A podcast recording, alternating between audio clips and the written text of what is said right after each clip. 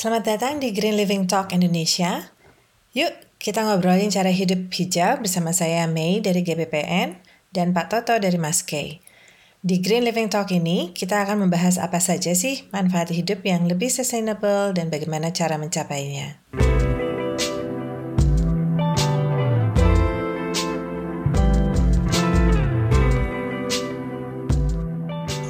Di episode pertama ini, kita akan mengusung tema uh, kiat mengurangi biaya energi di rumah dan saat ini kita sudah ada tamu Pak Janus Pati dari Maskei yaitu Masyarakat Konservasi dan Efisiensi Energi Indonesia.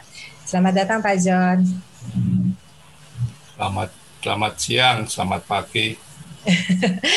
Saya uh, izin bertanya uh, yang pertama nih Pak John, boleh sedikit uh, cerita nggak karena Pak John sebagai chairman dari Maskei boleh cerita sedikit nggak mengenai apa sih itu Mas Kay? Hampir tujuh tahun yang lalu di 2014 uh, ini uh, masyarakat uh, civil society atau masyarakat sipil, organisasi masyarakat sipil uh, yang dulu suka disebut NGO, tetapi sekarang disebut CSO. Uh, kami menggeluti masalah-masalah uh, atau isu-isu tentang bagaimana kita harus berperilaku dan berpraktek menggunakan energi dengan efisien sehingga kita bisa mencapai konservasi energi.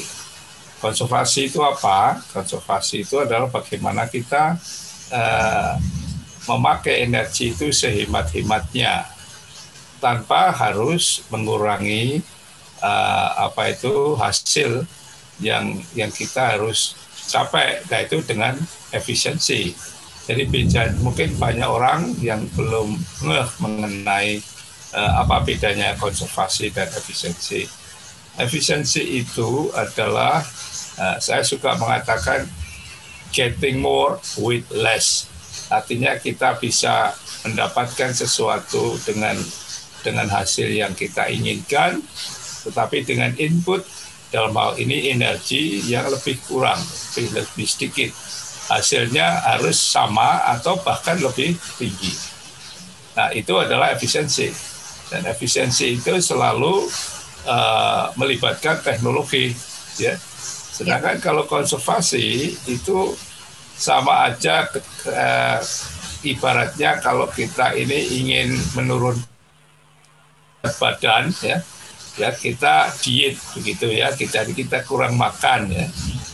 Jadi kita bisa badan kita turun tapi harus ada pengorbanan sedikit di situ ya.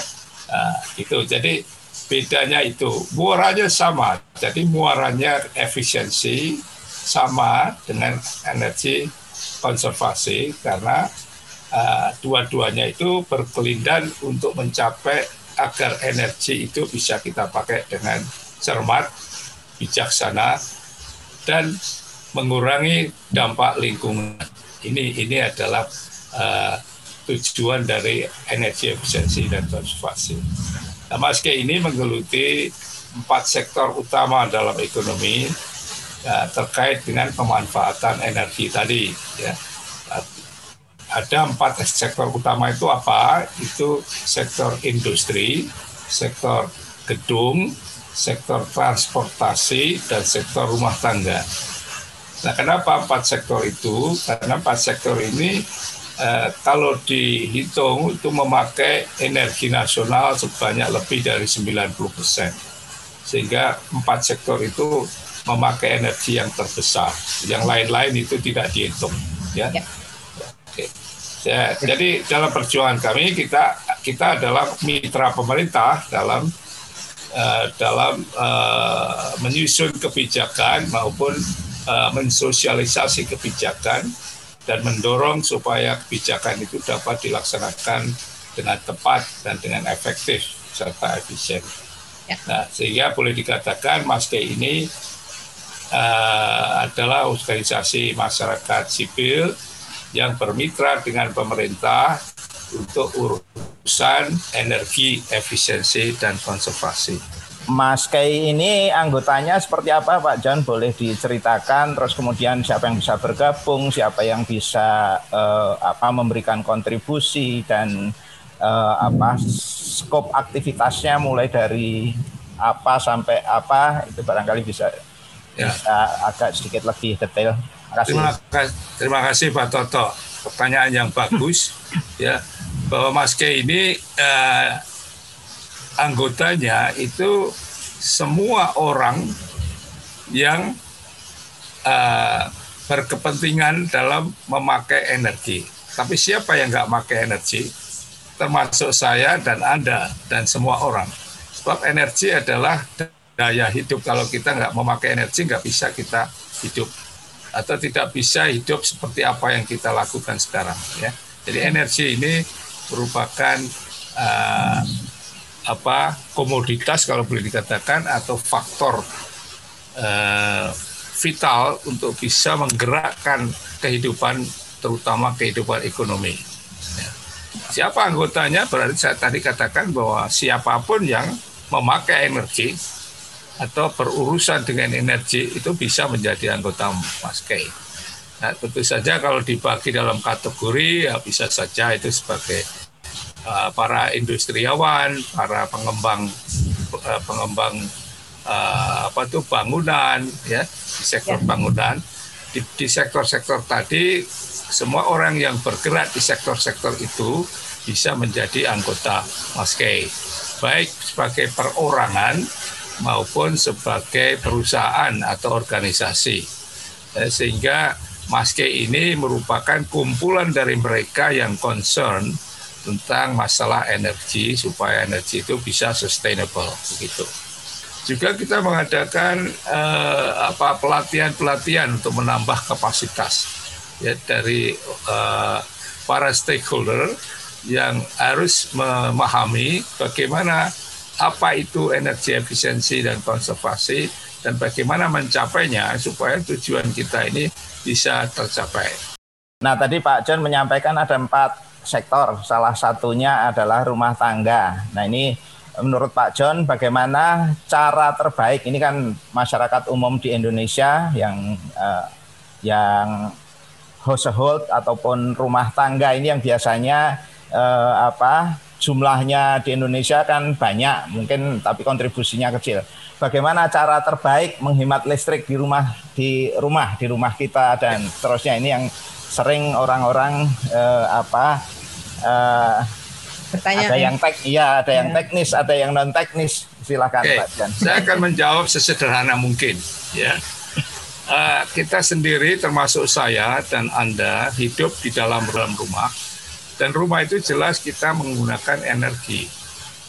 Nah bagaimana kita harus uh, menghadapi uh, menyikapi pemanfaatan energi kita? Yang pertama kita harus merubah sikap kita. Kita harus uh, melihat bagaimana uh, kenapa kok kita harus memakai dengan efisien. Itu harus kita sadari bahwa kalau kita, bahwa energi itu sesuatu hal yang kalau dipakai secara sembrono itu hmm. akan akan akan boros dan boros itu berarti pembuangan energi atau pemborosan energi itu merugikan tidak hanya merugikan diri kita tapi merugikan uh, orang lain maupun pihak lain. Nah, uh, kemudian itu satu dari perubahan sikap atau perubahan perilaku pemanfaatan energi. Misalnya kalau kalau kita di rumah itu uh, kalau kita misalnya memakai kamar mandi setelah selesai harus dimatiin ya. Oh iya. Biasanya ya, banyak kalau, yang lupa tuh Pak. Tuh, kalau kita tidur ya, lampunya jangan dinyalain. Paling kalau kalau takut misalnya takut gelap, Nyala lampu kasih lampu remang-remang oh, iya. ya, gitu.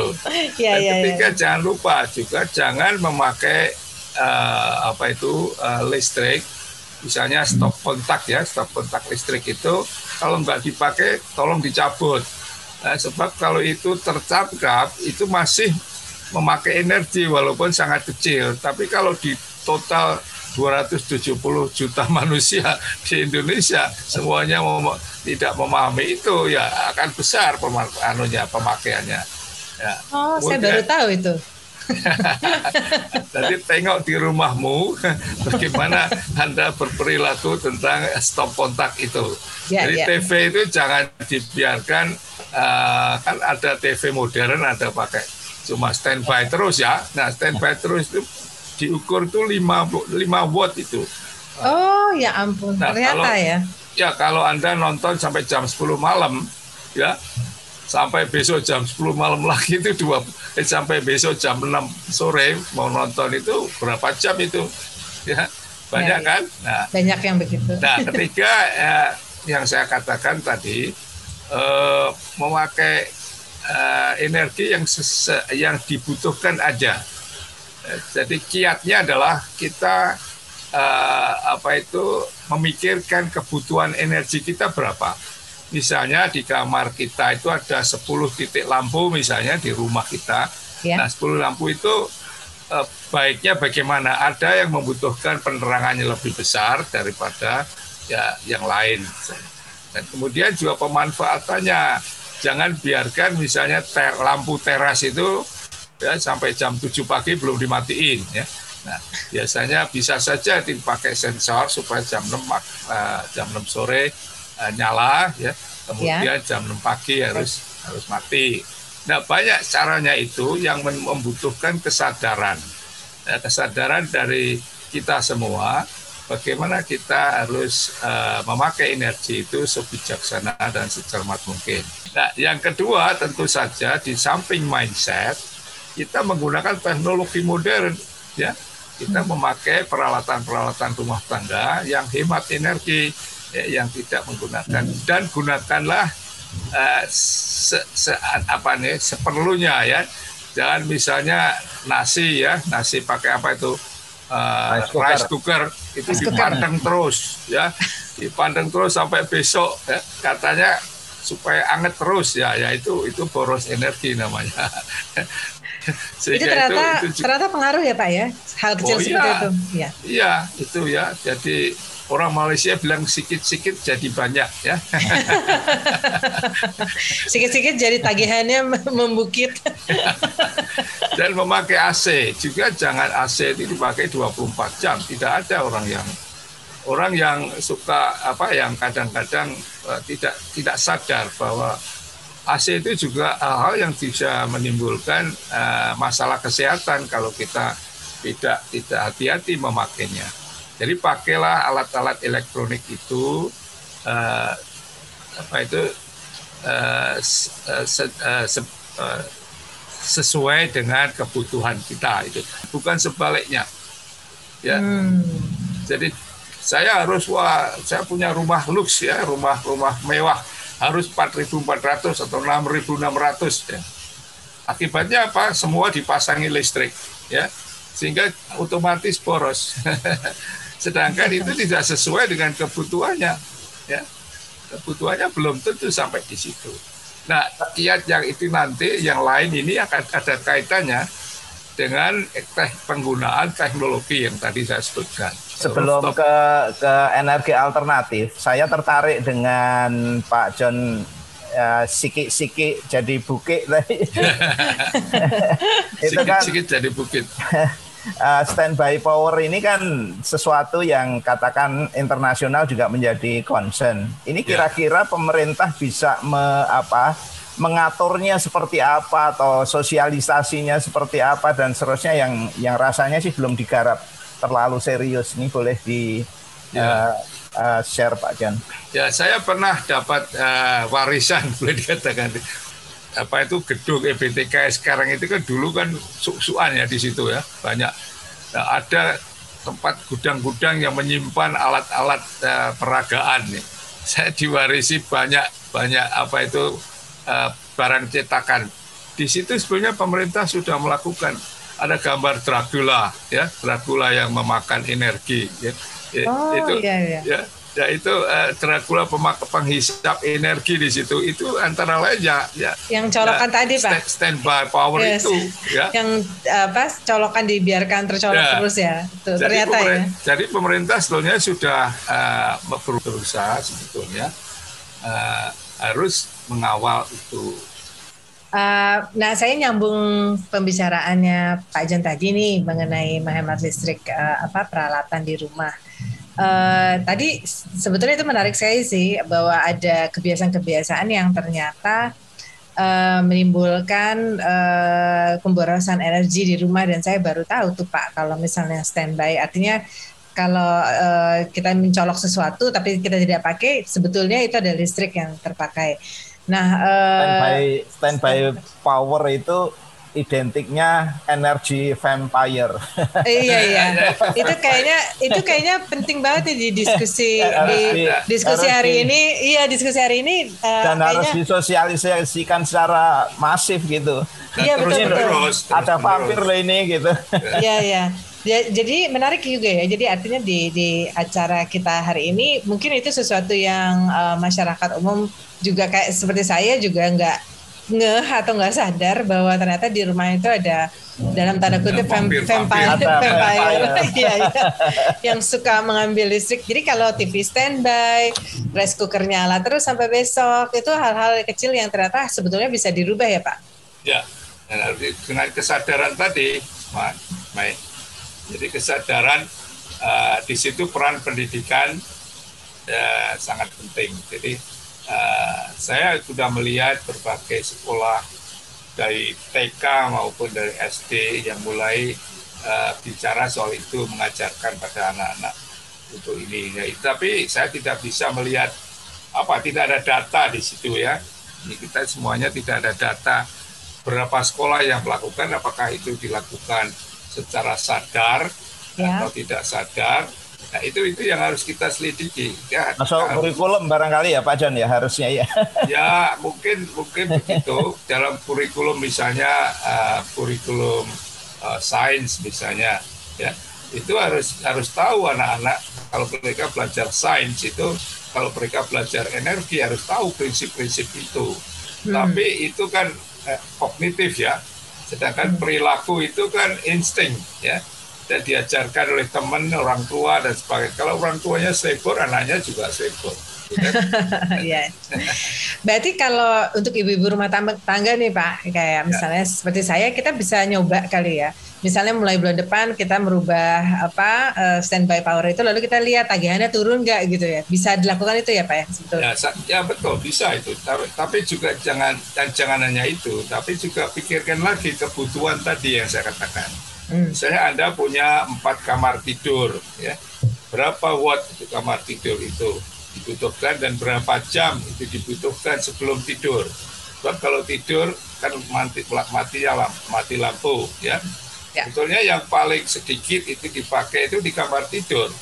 Yang paling banyak dipakai di kamar keluarga tentu saja. Kamar ya, makan betul. keluarga biasanya jadi satu ya. Nah, kemudian kalau dari sisi energi lain tidak hanya listrik, misalnya gas, ya di dapur tuh. Ya. Oh iya betul. Nah, jadi pikirkan eh, kebutuhan energi Anda dan berapa energi yang harus Anda sediakan. Ya. Jadi misalnya jangan pakai lampu yang eh, yang sangat tinggi walaupun sekarang ada LED itu sedikit ya apa itu bisa bisa saja tapi uh, kalau waktu belum ada lampu LED itu kan itu sangat sangat berat apa sangat besar besar uh, ya anunya apa itu uh, listriknya pemborosannya ya. ya.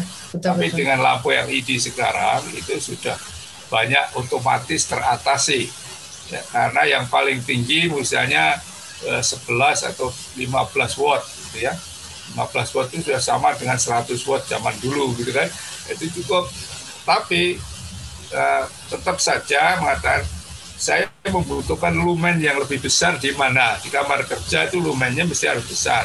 Di kamar oh, iya. makan juga harus besar. Harus tapi terang. di kamar tidur kan tidak perlu ya, ya misalnya itu ya.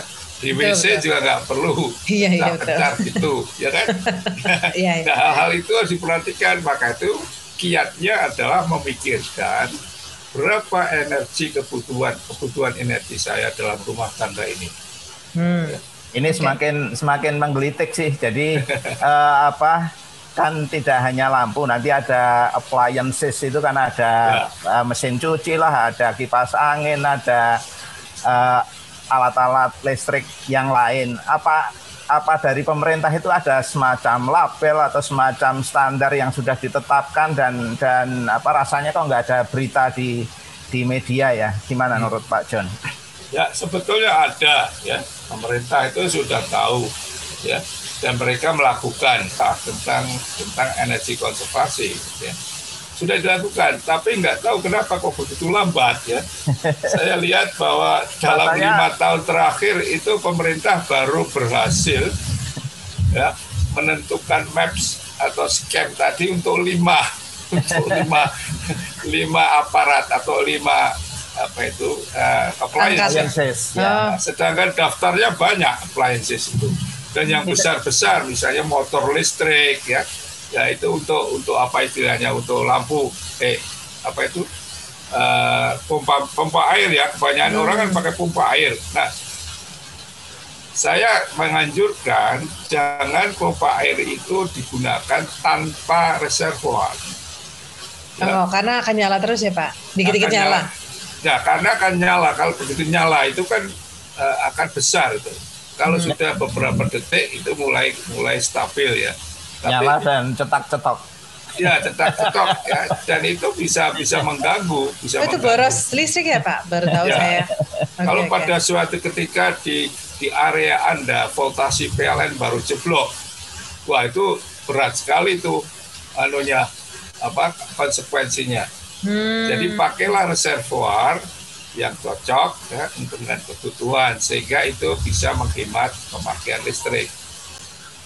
Kalau tidak ya, ya. pakai reservoir cetak-cetok tadi itu itu energinya besar sekali itu, ya. dan anda hmm. akan tergantung dari lampu ya dari listrik yang ada. Kalau nggak pakai reservoir, namanya juga reservoir. Ya. Kalau nggak ada reservoir ya nggak ada listrik, nggak ada air. Nggak ada air ya. Itu bahaya banget sih ya. ya, ya. ya gitu. Oke, saya masuk pertanyaan berikutnya ya, Bu Mei ya. Ya silakan Jadi, Pak. Uh, ini agak teknis. Jadi dengan iklim yang ada di Indonesia itu sebenarnya apakah mungkin rumah kita di ya di sepanjang Nusantara ini uh, memiliki rumah yang tanpa AC di Indonesia terus uh, ya apa yang mesti harus dilakukan ya. Saya sekarang tanya ganti pada Anda, apakah sejak kecil waktu zaman Anda kecil semua rumah pakai AC? Saya waktu kecil nggak pakai AC. Bahkan di kamar tidur pun nggak pakai AC. Ya, ya. Jadi itu sebuah apa gaya hidup ya, ya ya. lifestyle. ya kalau dari sisi teknis menurut saya itu bisa arsitek-arsitek itu bisa atau perancang eh, bangunan itu bisa memperhitungkan supaya tidak harus pakai AC, terutama di gedung-gedung yang tidak di tengah kota, di mana sirkulasi uh, udara masih cukup ya, itu. Jadi dengan apa? Misalnya saya bukan arsitek, tapi lihat saja di rumah-rumah di Menteng, Ya. Yang arsitek Sumai Pak Jan. Ya. Lihat saja di rumah. Saya banyak dosa. Di rumah-rumah. ya lihat Mei di rumah-rumah Menteng itu rumahnya eh, bikinan Belanda nggak ada yang didesain untuk memakai AC. Ya, Tapi tetap full rumah itu. Kenapa? Karena plafonnya tinggi. Ya. Kalau norm sekarang itu dua setengah meter sudah dianggap tinggi Ya, Zaman ya. dulu itu rumah-rumah di Menteng itu 3,2 meter dari floor sampai ke plafon. Itu hmm. 3 meter. Ya, sehingga sirkulasi udaranya akan menjadi lebih lancar. Hmm. Dibangun jendela-jendela yang strategis diperhitungkan dengan arah angin. Itu arsitek yang harus melakukan. Yeah. Nah, sebetulnya jadi bisa menjawab pertanyaan Pak Toto, apakah kita harus tergantung dari AC tidak menurut saya harusnya bisa bahkan kalau ada uh, apa kalau mau sebetulnya AC alam atau nocturnal namanya nocturnal air condition itu bisa ya, dengan cara yang tidak harus pakai listrik ya Pak Pak Toto ya. jadi jadi kalau rumah atau gedung yang boros energi itu dosa utamanya di arsitek Pak John setuju ya. Jadi mumpung ada mumpung ada saya. Tapi itu iya itu benar karena tren apa tren gaya bangunannya berubah ya. Jadi sekarang apa dengan atap datar, atap datar itu kan sangat ini ya. Eh, apa panasnya langsung menyentuh ke interior ke bagian dalam rumah. Jadi ya ya itu mungkin uh, salah satu juga yang PR besarnya adalah kenapa rumah-rumah sekarang didesain dengan asumsi bahwa pasti pakai AC. Mungkin itu ya. Atau Ya oke okay. kita harus memperhitungkan sekarang ada perubahan iklim, ada pemanasan global. Oke lah suhu rata-rata kita lebih tinggi. Ya. Satu satu setengah derajat sih pak. Harusnya satu sekarang ini sudah udah lewat. Udah lewat ya. ya, ya. ya, ya. Jadi uh, serius, tapi ini uh, para arsitek ini harus bisa uh, mendesain rumah yang sehat dan rumah yang uh, apa itu uh, rendah energi, ya, rendah rendah listrik. Harusnya bisa, ya. ya. Nah, kembali lagi karena ada perubahan iklim dan sebagainya membutuhkan orang. Tetapi sebetulnya itu dipengaruhi oleh main kita. Kalau kita tuh merasa gerah, kita gerah betul. Ya. Tetapi kalau kita bisa bertahan sedikit, gerah sedikit nggak apa-apalah. Wong zaman dulu juga bisa bekerja gitu. Ya. Itu itu. Tapi anak-anak sekarang eh, apa bisa itu? Pertanyaan saya. Oh iya, nggak bisa eh, keringetan pak tuh. Keringetan dikit langsung AC-nya nyala. ya itu, itu itu itu adalah karena pengaruh gaya itu bukan teknis ya. Hmm.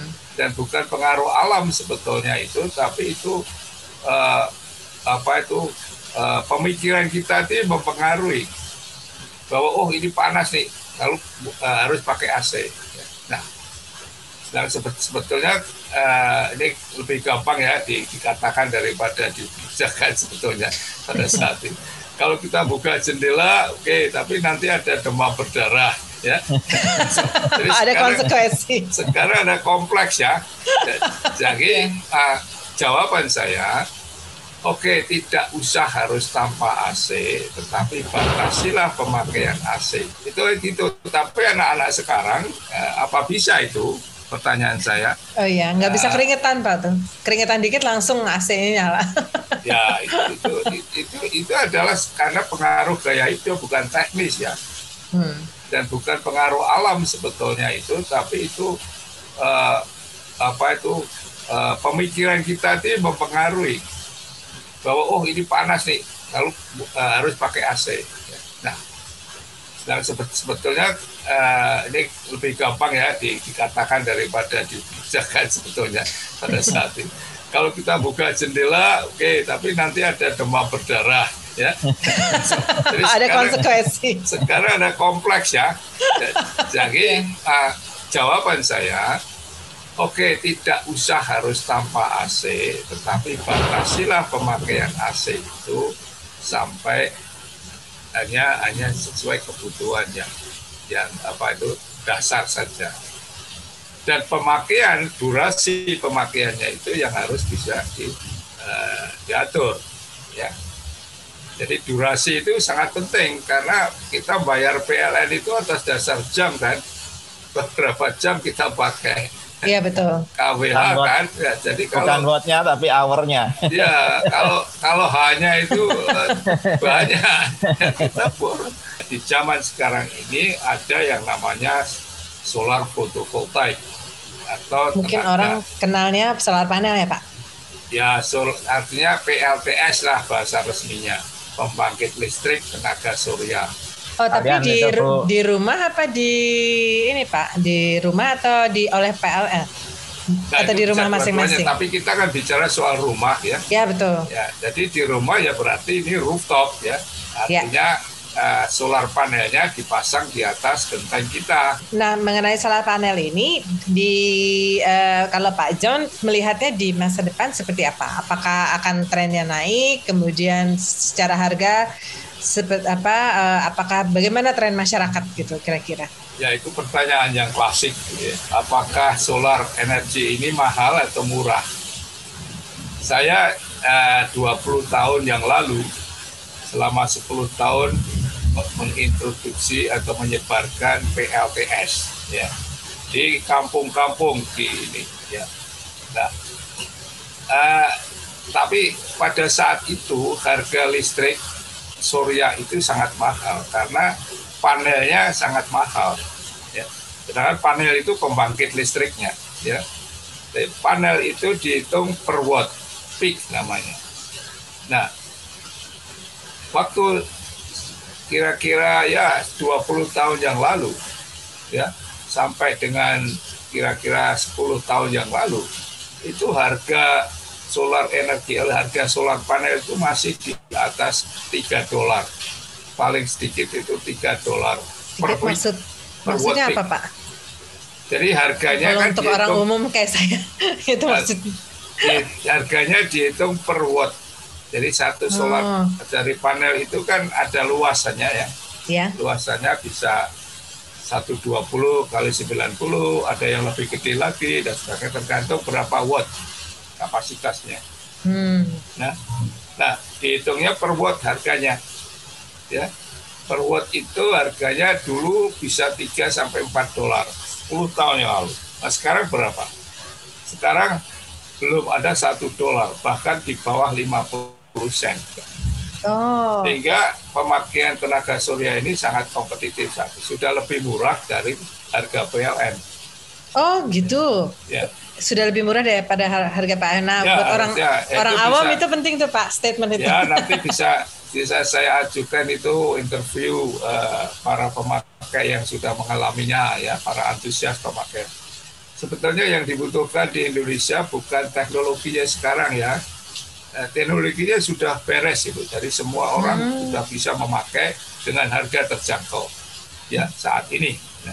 Cuma untuk bisa memasang solar uh, solar rooftop itu masih membutuhkan berbagai apa aturan yang cukup rumit gitu ya. Kita harus melihat uh, permennya seperti apa, lalu uh, prosedur PLN, kebijakan PLN seperti apa ya dan sebagainya sepanjang listrik surya ini dikaitkan dengan PLN. Ya, kenapa?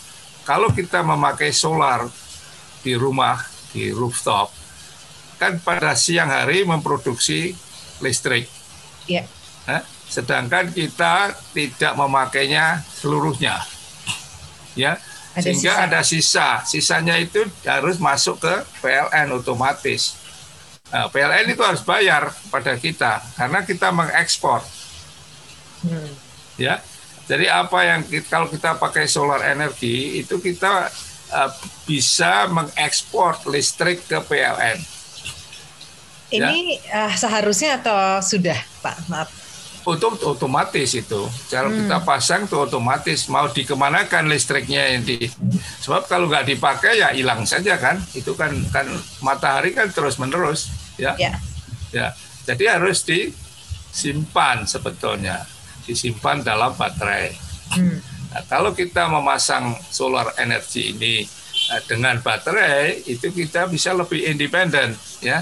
Jadi listrik yang dihasilkan oleh solar panel itu disimpan di baterai untuk kita pakai nanti malam hari misalnya. Dalam hal ini teknologi solar ini, ini ini sebetulnya sudah sangat terjangkau ya dan sekarang ini kalau kabarnya ya tapi anda bisa nanti eh, tanya ahlinya setelah ini itu satu kilowatt peak atau seribu watt itu harganya sekitar 15 juta terpasang. Oh. Okay, Zaman okay. saya dulu waktu saya beli, walaupun saya pengusaha juga waktu itu, saya masih bayar 150 juta. Oh, berarti turunnya jauh sekali ya? watt ya. Dan itu cara pembayarannya yang harus diciptakan kalau bisa dibayar pakai kredit card, lebih banyak lagi eh, orang mau. Ya, ya betul. Ya, gitu. Dan penjualan dari solar itu ya bisa dijual di toko-toko. Di Bangladesh saja saya lihat ya, solar panel itu dijual di kios-kios. oh. ya. Nah, nah, kita kan kalau mau pasang ke mana ya saya harus beli ya. Yeah. Misalnya Mei besok uh, diizinkan suaminya pasang itu. Ya. Tapi kita harus tahu ke mana kita harus beli ya. Iya. Nah, gitu kan. Nah, sedangkan solar panel itu harus dijual di Electronic City atau di supermarket gitu kalau di luar negeri bisa di, dibeli di supermarket.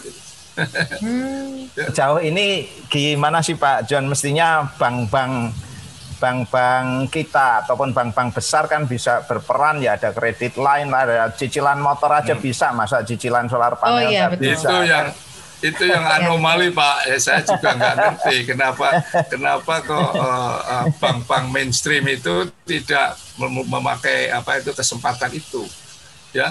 Ya ya. Nah, ini ini ini yang perjuangan kita. Walaupun itu kelihatannya sisi supply, Pak ya. Tetapi itu domain dari Maskei saya melihat bahwa itu adalah upaya konservasi energi, bukan efisiensi ya. Sebab efisiensi itu seperti tadi rumusannya kan uh, getting more with less ya. Nah, ya. ini bukan.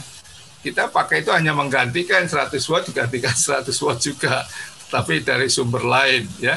Nah, jadi tidak ada efisiensi di situ. Tapi konservasi karena kita mengurangi pemakaian listrik yang dihasilkan PLN dengan fosil.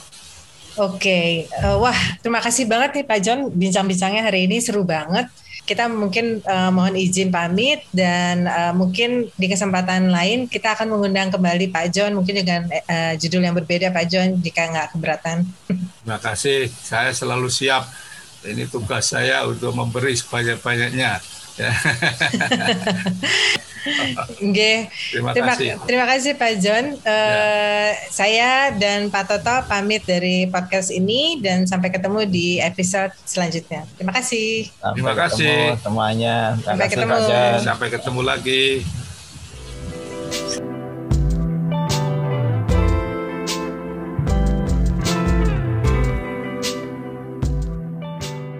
Podcast Green Living Talk ini merupakan kerjasama antara Global Building Performance Network bersama dengan Masyarakat Konservasi dan Efisiensi Energi Indonesia.